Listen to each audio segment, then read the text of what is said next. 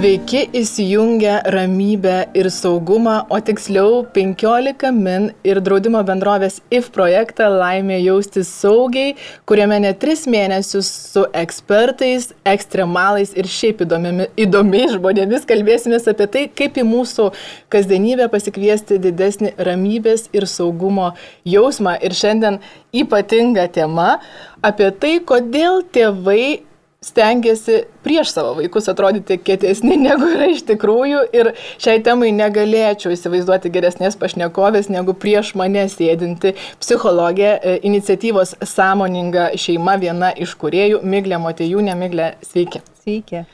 Tai dabar galvoju, kad mes esame tokie, kokie esame, bet ateina laikas, kai susitampame tėvais ir norime atrodyti didesni, stipresni, tvirtesni, vardant savo mažųjų kad jie mus, žodžiu, galėtų mumis ir didžiuotis, ir prieš draugus pasirodyti, e, ir patys turėtų įkvėpimo pavyzdį, ar ne? E, galvoju, kiek tas buvimas, va tokių nepalaužiamų, iš tikrųjų kainuoja mums tėvams? Manau, kad viena iš kainų, kurią tenka susimokėti, tai įtampa, nes tam, kad būtum, na, toks tobulesnis negu kad iš tikrųjų esi, reikia labai daug pastangų ir galėtumėm sakyti, kad tada pradedi dirbti 24 valandas, 7 dienas per savaitę. Ir čia galim sugrįžti prie mokslinių tyrimų šitą temą, kurie sako, kad dabar turim perdegusius tėvus. Kas labai logiškai išplaukia iš tos minties, kad tėvai nuolatos na, tokį intensyvų darbą dirba buvimu mama arba buvimu tėčiu. Tai manau, kad kuo toliau nuo autentiško savo buvimo, toks koks esu, tuo daugiau įtampos, tuo daugiau nuovargio. Tai prie to prisideda, aš galiu iš savo patirties pasidalinti, kad vis dėlto stengiuosi būti ilgai, ilgą laiką stengiuosi būti tobula mama ir sekti pasakas, nepaisant to, kad, žinai, kad tingi ir būti drąsia vis dar stengiuosi ten, kur, kad mhm. neparodyčiau tos baimės, tarkim, skrendant lėktuvu, aš baisiai bijau skrydžių lėktuvu, bet kažkaip su savim susitvarkau arba bent dukrą persodinu prie vyro, kad jinai mano tos baimės nepaimtų ir neužsikrėstų. Tai kaip su tom baimėm, kiek jų persiduoda mm. mūsų baimių vaikams? Mm, manau, kad e, logiška, ar ne, kad vaikai matys mus, kaip mes reaguojam ir pradės bijoti to, ko mes bijom. Tai na, vienas iš pavyzdžių, kai tarkim tėvai, mama arba tėtis bijo šunų ir reaguoja tam tikrų būdų ateinantį gyvūną ir tas instinktyviai natūraliai vyksta, nelabai tu gali ten save sukontroliuoti, vaikas irgi pradės bijoti gyvūną. Na, labai logiška. Uh, iš kitos pusės bandyti nuneikti tą baimę ir sakyti, kad aš nebijau, viskas su manim gerai ir, ir kažkaip išlaikyti tą savo ledinį veidą, tokį akmeninį gal net, irgi sudėtinga. Tai tokia bendra rekomendacija, kuri gali pagelbėti kad vis tik tai kalbėti su vaiku, kad aš bijau, bet tada kartu kalbėti apie sprendimo būdą, ką aš darau, kai aš bijau. Nes vaikas tikrai kažko bijos gyvenime ir kai užauks tikrai kažko bijos ir jam reikės įveikos būdo, ką su tuo daryti. Tai vadinasi, aš galiu liktai parodyti. Iš kitos pusės, jeigu mano baime tokia didelė, kad aš nebegaliu su ja susitvarkyti, būtų naivu kliautis vaiku, nes būna, kad tėvai savo baimės na, permeta vaikui. Tada vaiką kaip kokią pagalbę naudoja, apsikabina, supuoja, bet ne tam, kad vaikas nurimtų, bet kad pats nusiraminčiau. Tai tokie du kraštutinumai. Tai jeigu ta baimė yra tokia didelė, tada greičiausiai arba man reikia gero draugo, kuris man pagelbėtų, arba jeigu neturiu kažko, tai tada belieka kreiptis į specialistą, kuris pirmą mane nuramintų, o paskui aš jau galėčiau savo vaikui pasakoti, žinai, kaip reikia su šitą baimę susitvarkyti. Taip, baimė iš tikrųjų nėra blogas dalykas, jinai mums padėjo išlikti, ar ne, ir susiformuoti kaip žmonijai. Tas atsargumas vis dėlto gėdos nedaro. Čia mm. e, kita vertus, e, įbaimindami vaikus, aš galvoju, kad mes kiekvienas ateinam su kažkokia išlikimo, e, įgimtų jausmų, nuojautą ir norų išlikti. Tai pavyzdžiui, ar mes galime tą vaiko intuiciją e, nužudyti su visais neik, nukristi, mhm. nedaryk, e, užsigausi ir taip toliau.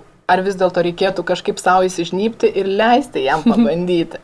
Manau, kad geras tavo pavyzdys savo įsižnypti ir leisti vaikui pabandyti. Um, Manau, kas padeda pačiam viduje atskirti, ar čia reikia man įsitraukti ar ne, tai atsakyti savo klausimą, ar vaikui realiai kyla na, pavojus jo gyvybei. Na, tarkim, jeigu vaikas atidarys spintelę ir įsitrauks puodus, ar kyla grėsmė jo gyvybei. Jeigu ne, tai leidžiu savo matyti, kaip puodai krenta iš spintelės ir barškant grindų. Ir lygiai tas pats su visais kitais pavyzdžiais. Um, yra tėvų, kurie iš tikrųjų labai drąsiai, tarkim, leidžia vaikams pjaustyti daržovės, nors vaikų, tarkim, penki ar ketveri, nežinau kaip turi. Aš dar... leidžiu viską, mano Luna pati nuo trijų metų gali iškepti kiaušinienę. Viena pati. Tai ta prasme tai kainavo man nemažai jėgų, bet aš e, ir tokių savitvardos, bet kita vertus, kai aš paleidžiu e, ir esu kažkada ją užklupus ant labai aukštų kopečių mm. sode e, ir tada prisimenu, kaip mane viskas sukausi ir galvoju, kad pradėsiu klykti, bet tada susilaikiau ir jinai taip labai atsargiai nulipo, jie gal kokie dviejai metai buvo. Ir aš mačiau tiek pasididžiavimo jos veide ir galvojau, aš būčiau iš savo vaiko atėmusi tą jausmą tikriausiai va, pasiekti kažką. Tai e, pavyzdžiui, aš galvoju, kad mūsų, mūsų tie suvokimai apie, apie drąsą, kad mes lipame per save, šokam parašiutu, bandom ten mm, banglentės, e, kažkokias vandens lides, snieglentės, ką tai rodo mūsų vaikams. Ar tai galvoja, kad mama iš proto išsikraustė, kurioje vietoje yra jau riba, kur vaikas galvotų, mano mama kieta ir kad, o ne mama, gal tu geriau jau pasėdėk. Manau, kad kitas klausimas, dėl ko aš tai darau, dėl ko aš išbandinėjau vairias veiklas ir iš tikrųjų dėl to, kad mano vaikas mane kažkaip įvertintų ir pasakytų, o tikrai didžiuojas šitų tėčių arba šitą mamą gerą, kad, kad tai yra mano artimasis ir taip toliau ar tai darau pats dėl savęs, nes man patinka būti atviram patirčiai. Nes jeigu vis tik tai darau tam, kad būčiau autoritetas ir įtvirtinčiau ir sakyčiau, aš labai fainas arba labai faina ir kaip čia viskas man sekasi, tai tada, na vėl klausimas, ar vaikas tikrai bus vertinga jam šita patirtis, žinoti, kad mano tėtis ar mama verčiasi per galvą, kad įtiktų, patiktų kitiem ir, ir būtų geresnis negu kad iš tikrųjų yra. Tai viskas vadinasi turėtų ateiti iš natūralaus kažkokio mm. jausmo, natūralaus poreikio, neprimesto kažkokio visuomenios normų, kad štai amžina jaunystė, jeigu aš ten varinėsiu su snieglente, ar ne? Tai tiek, kad tas sudėtinga, kiek padaryti, vertinant tai, ka, kokią informaciją mus pasiekė ir socialiniuose tinkluose, ir žiniasklaidoje ir taip toliau, nes pasiekė informacija, kad tu turi na, vis tik tai atrasti save, ieškoti įvairių veiklų, būti atviras ir paskui, kai kalbi su savo bendramžiais, važiuok, vienas tą jau padarė, kitas tą, trečias jau žiūrėk išmoko ten kokią nors mhm. instrumentų groti ir taip toliau, ir tada norisi likti pasivyti. Tai, na vėl turbūt apie tai, kad ieškot, ko aš noriu, kas aš su aš ir nesistengti turbūt atitikti kažkokį standartą. Bet aš įsivaizduoju, viską, ką, ką tu e, sakai, kad vis dėlto atvirumas visur yra pirmas dalykas su vaiku kad aš bijau, bet norėčiau, kad tu pabandytum, ar aš, ta prasme, kiek vaikas jaučia to, ko mes nepasakome. Mm. Man atrodo, čia geras pavyzdys, apie kurį kalbėjom prieš laidą, kai vyksta šeimos skirybos, labai puikiai iliustruoja tą situaciją, kas nutinka, kai mes bandom apsaugoti vaiką nuo tarytum žalingo emocinio turinio. Mm Tai mano kaip psichologo patirtie aš dažniau suduriu su mamom, vis tik tai jos dažniau ateina tais atvejais, kai vyksta skirybos ir atveda vaiką kaip e, tą, kuriam reikia čia padėti, bet bekalbant su mama ryškėja, kad e, mama vis tik tai nereiškia emocijų prie vaiko, neverkia, kažkaip verkia naktį, tolete, kad tik tai vaikas niekaip nepamatytų, ar paskui tas vaikas atkeliauja pas psichologą ir jis visas kaip uždarytas, kaip stiklainis užsuktas. Ir labai sunku jam padėti, nes e, jisai nematė pavyzdžio, ką su tom emocijom daryti. Jisai matė, kad visi tylus, ramus ir, na, bando išlaikyti tą rimtį. Tai man atrodo, čia va apie tai, um, kiek būtų vertinga iš tikrųjų paleisti tas emocijas ir ar gali būti tai žalinga ar nežalinga. Tai vis tik tai jeigu tėvai sugeba parodyti, kad man sunku, man skaudu, uh, ir kad vaikas matytų, kad taip nutinka tokiose situacijose, tai padėtų ir vaikui išreikšti tas emocijas ir, na, ir vėliau užaugusies išreikšti, ypatingai kai situacijos tokios traumuojančios kaip skyryba. Tai skyrybo atveju, jeigu vis tik tai mes nepasakom, kaip mes jaučiamės, tai mes turim tokį didelį dramblį kambarį. Ir taip, vaikas labai jaučia emocinį foną ir įtampą, kuri tvyro, net jeigu niekas apie ją nekalba. Bet bet kuris kitas žmogus, kuris, na, tikrai tikiu, kad esam turėję savo patirtį tokių uh, atvejų, kai sėdi su žmonėm vienoje erdvėje ir jauti, kad kažkas negerai. Niekas apie tai nekalba. Tas dramblys kambarys, to, žinai, ir išspokso į visus. Aš galvoju, mes pokalbį pradėjom nuo to, nuo buvimo tobulais tėvais, nuo to perdėgymo ar ne, e, lipimo per save. ką mes tuo pavyzdžiu, būdami idealiai, kiek, idealiais kiekviename žingsnėje, ką mes darome su vaiku, kaip tai mhm. atsiliepia jo paties vystimėse. Tai viena vertus, ką aš sakau vaikui, kad turi būti tobulas. Arba daugiau negu kad iš tikrųjų esi ir kad turi daryti su pliusu. E, kita labai tikėtina, kad kai iš savęs reikalauju daugiau negu kad galiu padaryti, kartais taip nutinka ir iš vaiko pradedu reikalauti daugiau nei kad jis gali padaryti. Vedu įvairius burelius, stengiuosi, kad jisai ne, ne šiaip lankytų burelį, bet būtų, na bent jau antras geriausiu atveju, pirmas tame burelėje pats pats pats geriausias. Ir, na, nu, ir kartais lyginu savo vaiką su kitais, sakau, va, pažiūrėk, mano tai smūkų moka groti. Tai manau, kad tas bandymas vis tik tai persiversti per galvą rodo vaikui, kad to reikia, tai svarbu. Ir gali būti, kad ir pats paskui pradedu to paties reikalauti iš vaiko, kas galiausiai lemia, kad vaikų bus sunku priimti save ir visada bus toks vidinis konfliktas tarp to, koks esu ir toks, koks turėčiau būti. Ir kuo ta atskirtis didesnė, tuo vidinis konfliktas yra didesnis, nerimas didesnis. Mes viename iš pokalbių su Vidmantu Balkūno mm. fotoreporteriu kalbėjome apie tai, kaip svarbu lipti per savo baimės, eiti į nepatogią situacijas, konfrontuoti save. Kiek reikėtų stumti e, save, kiek reikėtų stumti savo vaiką ir kaip jausti va tas ribas? Manau, pirmas e, klausimas, kurį reikia savo užduoti, ar mano vaikas turi įgūdžių išspręsti tą iššūkį, kurį aš tik jam iškėliau. Nes mes galim daug iššūkių vaikų iškelti ir sakyti, na važiuok, čia erdvė tau savį išbandyti ir įveikti savo baimės. Bet jeigu aš niekad nekalbėjau su juo, kaip tas baimės įveikti, ką su juom daryti, tai tada aš sukursiu tokią na, krizę jo gyvenime, kurios jis įveikti negali. Nes krizę mes laikom įvykį, natūralų, gyvenime atsitinkantį, kuriam aš neturiu įgūdžių ir kai juos atrandu, išsprendžiu krizę, viskas labai logiška. Tai jeigu aš tų įrankių nedaviau savo vaikui, tai turėsim na, labai sudėtingą situaciją. Tai stumti vaiką į priekį, skatinti jį atlikti kažkokius pratimus, drąsinti, viskas yra sveikintina, tik tai reikia jį paruošti dar prieš sukuriant tą sudėtingą situaciją. Iš tikrųjų, kalbant apie fizinės baimės, įgimtos mums yra tik tai e, baimė kristi ir didelio garso baimė. Kokias baimės mes dar įsivarome, su kokiom tu pati susidari praktikoje? Tėvų baimėmis, kalbant apie fizinę sveikatą ir vaikų baimėmis. Tai, e, tai viena dalis baimių yra, na, va, kaip ir tu sakai, kad e, kurias atneša kūdikį kaip instinktą, tai garso arba tos taigaus kritimo. Kitos baimės jos atsiranda su raida, net jeigu mes ir nepasistengtumėm, kad jos atsirasti. Tai vaikai paskui natūraliai pradeda bijoti dalykų, kurių nesupranta, pabaisų po lovą, um, tamsos ir, ir taip toliau, paskui baimės pasidaro konkretesnės, atstumimo baimina ir taip toliau. Tai, tai faktas ar ne, kad jos vis tiek atsiras, net jeigu aš prie to ir neprisidėsiu, tikrai bus. E, ką vaikai dar, kaip sakoma, kas atsiranda jų gyvenime, vienareikšmiškai medijos veikia, žaidimai tame tarpe taip pat, tai populiariausi žaidimai, kurie yra siaubo, kuriuos gali atrasti tiek YouTube platformai įrašytus, kaip kažkas žaidžia, vaikai juos peržiūri Ir paskui iki manęs jau kaip psichologo atkeliavo vaikas, kuris bijo kokio nors personažo grenimo čitės, mhm. kur ten siaubingai vaikšto po kamburius ir grasina. Tai čia tokie senesni atvejai. Tai būna ir taip. O patys tėvai, um, jie daugiau tokias baimės atneša susijusias, na, vat, su tuo, kad kažkas tau įkas, jeigu tai yra gyvūnas, bijoti kažkokių svetimų žmonių, neiti prie jų, su baime, kad kažką jie padarys blogo.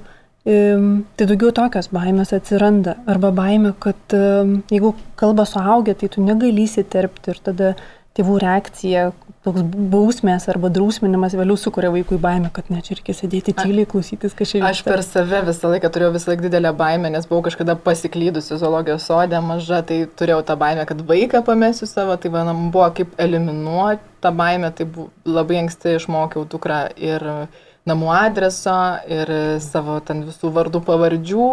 Ir išmokiau, kad jeigu tu pasiklysti, turi keliauti prie žmogaus su uniforma arba mamos su vaiku toksai dalykas ir tada buvo jinai sako, o padavėja yra su uniforma arba stardesė. taip, tai yra su, ne, nebūtinai policininkas, tai jie tiesiog ir padavėja yra su uniforma. Ir kalbant, atliepiant tavo tą apie vaikų baimės, tai, pavyzdžiui, man buvo pačiai iš patirties, kad mano dukrai labai, jie penkeri, jie labai patinka siaubo pasakos ir jie reikia pasakoti, kuo jas baisesnės. Mm. Ir dabar mes siaubas man pačiai keliai linksta, jas, jie vis nepakanka, dar papasakok, kaip mane ten kankina, pagrobė.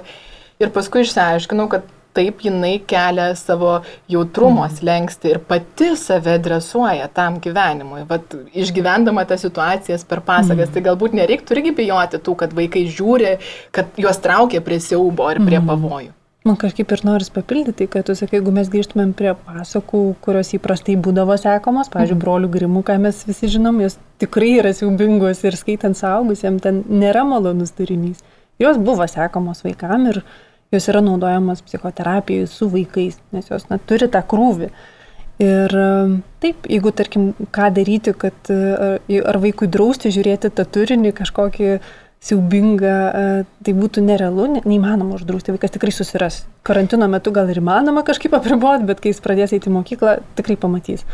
Tai taip, žiūrėti kartu su vaiku, tai tai, kad tu darai, yra geriausia rekomendacija, kad jeigu vaikas tik tai prašo, tai ir didinti tą jo jautrumo slengsti ir, ir leisti jam patirti tuos siaubingus dalykus su žmogum, kuris yra šalia ir gali užtikrinti jo saugumą. Nes turbūt jeigu įsigastų tavo vaikas, jis turėtų į ką atsiremti ir į ką mhm. susisukti.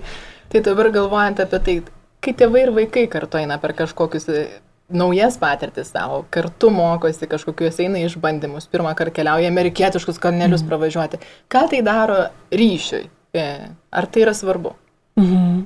Man atrodo, kad čia galim pabandyti atidaryti šalia ir kitą temą autoriteto. Mhm. Kad e, kai aš darau kartu su vaiku ir tikiu, kad mes esam lygiai verčiai, mes šitoj patirtie būnau jokai ir bandom kažką išmokti, Tai turbūt geriausia, ką vaikas gali gauti ir turbūt e, tokiu būdu mes sukūram galimybę jam laikyti mūsų autoritetų, nes mes gerbėm jį, mes e, rodom, kad ir man baisu, aš nesu kažkoks kitoks, aukštesnis, stipresnis, didesnis, mes vienodi, mes šitoj patirtį išbandom abu.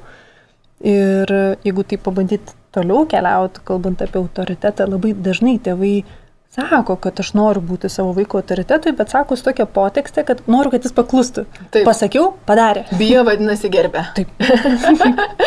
Gerai, kad tas e, nuostata šitą mažėja, vis rečiau tenka ją girdėti, dažniau girdisi vis tik specialistų, kurie dirba su vaikais ir dirba ilgai, tai čia ta nuostata, kurią mes atsinešam nuo kažkada. Uh, Tai toks paradoksas, šiaip jau ką tyrimai rodo, kad kuo stipresnės ir nelankstesnės taisyklės ir ribos, tuo vaikas labiau su jom bando konfrontuoti ir jas labiau laužo. Bet tuo pat metu tai labai logiška seka. Na, jeigu man kas nors pasakytų, ne, tu darysi taip, kaip aš tau pasakiau, tikimybė, kad aš laužysiu, labai padidėja. Aš galvoju, čia mes galime apie savo vadovus pagalvoti mm. arba kolegas, kurie yra visiškai kategoriški uždarų tokių pažiūrų, tai tau jie tikrai su, gal gailestį arba pasipiktinimą sukelia, bet ne autoritetą. Mhm. Ar tai, kas mums yra drąsu, yra drąsu ir vaikui? Kaip skiriasi? Pavyzdžiui, man gali pasirodyti, kad aš vaiką nustebinsiu tuo parašiutu iššokusi, jis sakys, pff, žinai, čia kiti be parašiuto šokinėja mano filmukuose.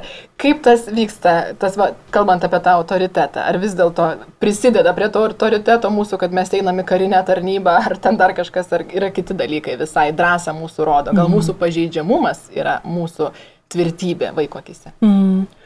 Tai um, ne, vienareikšmiškai turbūt, kad skirsis tai, kaip aš suprantu, kas yra autoritetas, drąsa, stiprybė ir tai, ką vaikas supras. Čia turbūt galima atskirti, ar aš noriu, kad vaikas tam tikras vertybės išsineštų. Tai turbūt taip, jeigu aš eisiu savanoriauti kažkur, tai kurs jo vertybių kažkokį suvokimą, bet nebūtinai tai prisidės prie autoriteto, tai gali visiškai prasilenkti. Mhm. Ir vaikas visiškai gali manęs nesuprasti kaip drąsaus, bet išsineš vertybę, kad, tarkim, visuomenė reikia padėti. Tam, kad vis tik tai mano vaikas turėtų, na, vat, tikėjimą, kad aš kažkoks, na, vat, autoritetas ir galiu būti gerbtinas, tai belieka likti prie to, kad mes turim būti lygiaverčiai ir, na, va, galima papildyti Vilniaus universiteto tyrimų, kuris, na, tik tik buvo publikuotas, man atrodo, labai vertingas. Jisai tyrinėjo uh, rizikingą elgesį internete, nes šiaip įprastai mes suprantam rizikingą elgesį kaip, na, koks vairavimas mašinos neturint teisių. Mhm. O internete kas tai yra? Tai šiuo atveju galima apibriežti kaip, jeigu tarkim paimtumėm paauglį ir jo rizikingą elgesį internetai, tarkim, um, seksualaus turinio dalinimasis, savo paties atvaizdo, atviravimas per nelik didelis, ten, tarkim, adreso, kur gyvenu ir taip toliau, ieškojimas naujų pažinčių, pornografinio turinio, tikslingas ieškojimas. Ir pastebima, na vėl, ne, kuo tėvai daugiau riboja, įjungia internetą ar ką nors kitą padaro, kad tik tai vaikas neprieitų, jis tuo labiau tą rizikingą elgesį internete taiko ir kartoja. Tai, na vėl lik tai apie tą patį, kad aš galiu uh, daug dalykų savo gyvenime demonstruoti, rodyti, savanoriauti, šokti su parašiutu, na, vat, kaip sakai, mm. banglentėm kokio mokintis, bet tai toli gražu nesisės su autoritetu, nes greičiausiai tai bus apie tai, kiek aš sugebu vaiko poreikius atliepti, kiek su juo tą santyki palaikau. Iš kitos pusės, taip tikiu, kad klausytojams gali kilti tokia viduje netitikimas, tai ką mes dabar turim vaikam paleisti juos, jokių taisyklių ir, ir tikėtis, kad jie mane laikys autoritetu. Nes tai būna dažna ta mintis.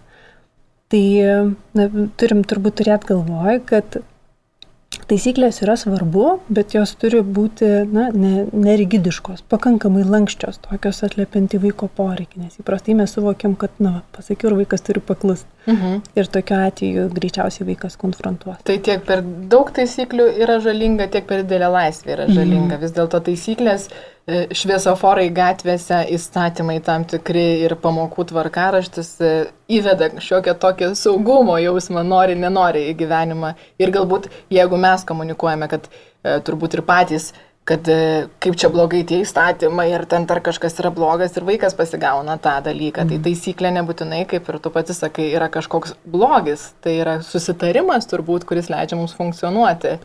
Manau, kad geriausias pavyzdys, iliustruojantis, ką reiškia griežtos taisyklės susitarimo, ką reiškia lankščios, tai pabandyti save pastatyti ne santykė su vaiku, bet santykė, tarkim, savo bendradarbiu. Ar aš jam liepiu, kad, na, tu privalai likti čia ir man padėti, jeigu tu man nepadėsi, aš nežinau, su tavim nekalbėsiu savaitę laiko. Turbūt mes taip nedarom, nes tikim, kad mūsų bendradarbis lygiai vertis, negalėjom tai pasakyti, nes jis gal mane pasiūs taip toli, kad mm. nespėsiu eiti. Tuo tarpu, kai mes sakom vaikui, mes daug griežčiau nubrėžiam tas taisyklės, tai mes galėtumėm taikyti tą patį kalbėjimo būdą ir jis būtų lygiai tiek pat efektyvus. Ir aš tikiu, kad net nelabai priklauso nuo vaiko amžiaus. Ir su trijų metų vaiku tu gali rasti tam tikrą dialogą ir išlaikyti tą lygiai vertį santyki, taip vaiko sprendimai nebus tokie protingi, kaip mes norėtumėm. Aš kaip, kažkaip kartais pagalvoju, kad nusileidai kito paties iki, į vaiko batus įsilipi ir tada pagalvoju, Dieve, kaip nenorėčiau, kad man lieptų tą valgyti, tą rengtis, ten neiti, su to nedraugauti, to nežiūrėti. Aš išprotėčiau, absoliučiai. Gerai, grįžtant dar prie to. E, saugumo jausmo, buvimo šalia visada jausmo atsistoja ir į tėvų mirtingumo toksai e, faktorius. E, natūralu, kad su tam tikru amžiumi ir suvokimu, kad mes mirsime, kad nesame amžinė, ateina ir į vaikų gyvenimus baime, ir į mūsų pačių e, gyvenimus baime. Kaip ir patiems savo pasidovanotą saugumą ir negyventi kažkokioje paranoje ir kartu ir vaikui paaiškinti, kad galbūt čia nieko blogo, kad mes esame laikini. Mm. Manau, kad e, vienas mažas žingsnis e, nesakyti savo, kad tokios emocijos kaip liūdėsys, baimė yra silpnumo išraiška. Aš kažkaip pati save prisimenu, kai eidavau į psichoterapiją. Ir atsimenu akimirkas, kai taip nenorėdavau, einu per Bernardinų sodą ir jaučiu, kaip mano kojas sukas ir aš mielai eičiau atgal, eičiau namo. Ir nenoriu eiti ne todėl, kad žmogus, pas kurį einu, yra nemalonus, anaip tol, dėl to, kad aš nešuosi labai nemalonų dalyką, kurį aš žinau, kad pasakosiu. Ir dar klausimas savo pačiai, ar tai yra silpnumas, kad aš su šitu sunkiu dalyku nueinu į psichoterapiją, ar vis tik tai stiprybė, kad aš neapsisuku ir neinu namo. Tai tam, kad galėčiau vykti tą savo baimės ir vaikui papasakoti, kad, na ir ne tik baimės, ar ne, liūdėsi, bet ką kita, pirmą suprasti, kad tai nėra silpnybė, anaip tol. Ir tai, kad aš, pažiūrėjau, leidžiu savo verkti, kai žiūriu filmą, kas irgi būtų vertinga nematyti to kaip silpnybės ir kalbėti apie tai, kad tai yra emocijų raiška ir tai yra privalumas, kad aš galiu apie tai kalbėti, rodyti tau ir labai tikėčiausi, kad tu tą darysi. Ir kitas, ar ne? Toks e, žingsnis, kai vaikas kalba apie emocijas, girdėti jas, nes kartais mes sureaguojam uh, atstumenčiai. Na, tarkim, vaikas verkia ir mes sakom, nerodyk man čia savo ožių, žinom, kad tu vis tiek eisi, nėra čia ko verkti. Arba žinau, kad tu manipuliuoji, vis tiek einam, nezysk, eikim į priekį. Tai irgi turbūt apie tai, kad e, aš nesugebu išbūti su tom emocijom, kurios yra jautrios ir rodau vaikui, kad ne, šitas tai pasiliks savo, visą kitą einam, džiugėsi pasim kartu. Aš kažkaip galvoju, kad man buvo, prisimenu labai aiškiai tą dieną, kai supikau ant savo vaiko už tai, kad jinai ant manęs supyko. Galvoju, kaip ten manęs gali pykti, jeigu aš mama esu, žinai. Mm -hmm. Paskui galvoju, mes visų pirma, du žmonės esame skiri, žinai, kurie tikrai, galbūt aš užknisu kažkur tais irgi ją ir natūralu, kad jinai gali pykti mm -hmm. ir tą reikia gerbti. Tai kaip ir grįžtant prie šito, prie šito vis apie tas drąsas ir kai mes kalbam kažką tais labai drąsaus daryti, ten eiti per gyvačių vonę atsigulti, bet vis dėlto reikėtų turbūt įsivardinti, kad kiekviena mūsų drąsa yra labai skirtingas dalykas, ar ne? Pasakyti net prieš kolegas, pristatyti prezentaciją, kartais kažkam, kai prilysta numirimo jausmui, žinai, ir, at, ir atvirkščiai, ar ten užkalbinti kažką, ar pasakyti komplimentą, ir turbūt ir tuo reikėtų dalintis tais mažais pasiekimais mm. su savo vaiku, ne tai, kad aš ten buvau važiavau ant 180, žinai. ir manęs nepagavo policija. Taip, taip, taip, taip, turbūt, kad reikėtų įvardinti mm. savo tas drąsas. O grįžtant, pasakau, apie tą mirties, e, žinau, kad kai Lūnai atėjo suvokimas, kad, va, mes, kad žiūrėjo filmuką Koko ir va, mamytė, tu mm. mirsi ir kaip čia bus ir aš nebenoriu, aš bijau, kad tau kažkas atsitiks. E, aš manau, kad ir išsiskyrusių vaikų e, šeimų vaikai turi tą baimę, kad vieno iš tėvų staiga nebelieka gyvenime, tai jinai dar padidėja, kad dar didesnį kažkur tas tėtis dings. Ar yra kaip mes galėtumėm su vaikais kalbėtis apie mirtį, pavojus ir, ir kaip neįsigazinti iki mhm. galo? Smagu, kad tu beklausdama suponuoji atsakymą. nes tu pasakai tik apie filmą Koko ir jis puikus tam, nes jis kalba apie mirtį. Tai tam, kad vaiką tarytum įvesti tai, kas neišvengiama, mes visi mirsim. Tai yra na, niekaip nekeistinas dalykas. Tai pradžiui pačiam savo tą pasikartoti ir nepamesti to. E, ir kita, taip, su vaiku kalbėti ir tą galima daryti per filmukus, puikus būdas. E, kitas būdas turėti augintinių, kurie greičiausiai kažkada vis tiek e, reikės su jais atsisveikinti ir jie numirs, tikėtina, kad jie pragyvens mus ir tada tai taps erdvė mokintis netekti kad vaikai bijo, kad artimieji mirs, irgi labai, labai tikėtina ir raidai būdinga baime. E, ir pradžioj vaikai būna, kad nelabai dar supranta, kad mirtis yra baigtina, jie dar tiki, kad čia žmogus tiesiog miega ir jis to atsikels, arba kad jis pats bus išgelbėtas e, kaip superherojus kažkoks iš siaubingo, e, mirties gniauštų siaubingų. Vėliau atsiranda tas suvokimas, kad tai yra baigtina ir negryžtama. Tai sekti tai, ne, ne, nebandyti keisti vaiko suvokimo, nes kartais tėvai bando čia vaiką sugražinti realybę. Ne, nežinok, čia mirė ne, nebebus kitaip. tai leisti pabūti su tuo, kur jie yra. Tai aš įsivaizduoju, kad čia vis dėlto, tas norėjau sakyti, kai prieš pasakant tau apie augintinį, tai kad buvimas gamtoje turbūt yra vienas mm. iš didžiausių mokytojų, kaip viskas laikina trapu ir kaip, kaip tarnauja, kaip tas gyvės ratas užsisuka. Iš liūto karaliaus, čia žinai. Mm. Tai galvoju, baigiant ir rezumuojant mūsų pokalbį, ko mes galėtumėm palinkėti tėvams, kurie nori būti drąsus, bet bijo, arba atvirkščiai galbūt kažkur galvoja, kad yra per drąsus. Ar yra kažkokiu pa pa paskutiniu dalyku, mm. ko nepaminėjom? Toks labai labai siaurai tai leisti savo būti. Ir man atrodo, kad tai būtų geriausia, ką gali padaryti. Leisti savo bijoti, leisti savo liūdėti ir priminti savo, kad šitie jausmai ateina kaip dovana man. Baimė, kaip tu pati sakė, jis augo, liūdėsys leidžia vertinti, ko netekau ir neperspaus savęs, turbūt nuo to ir galima pradėti. Aš kažkaip galvoju, kad turbūt gyvenime klaidų mes e, nedarom, yra tik pamokos ir patyrimai. Mm. Ir turbūt viską reikėtų savo ir atleisti savo net mm. ir tas pačias baimės. Bijoti yra normalu, manau kartais, kaip sakė mano vienas, antro, vienas antropologas, sakė, kad, e, žinai, išliko tie, kurie netikrino tikėjo. Nebūtinai, žinai, jeigu tame krūme yra, e, tau sako senolis su barzda, kad yra, gali būti liūtas, tai nebūtina viską tikrinti, kartais užtenka ir tikėti. Tai labai ačiū tau, čia buvo e, psichologija Miglė Motejūnė.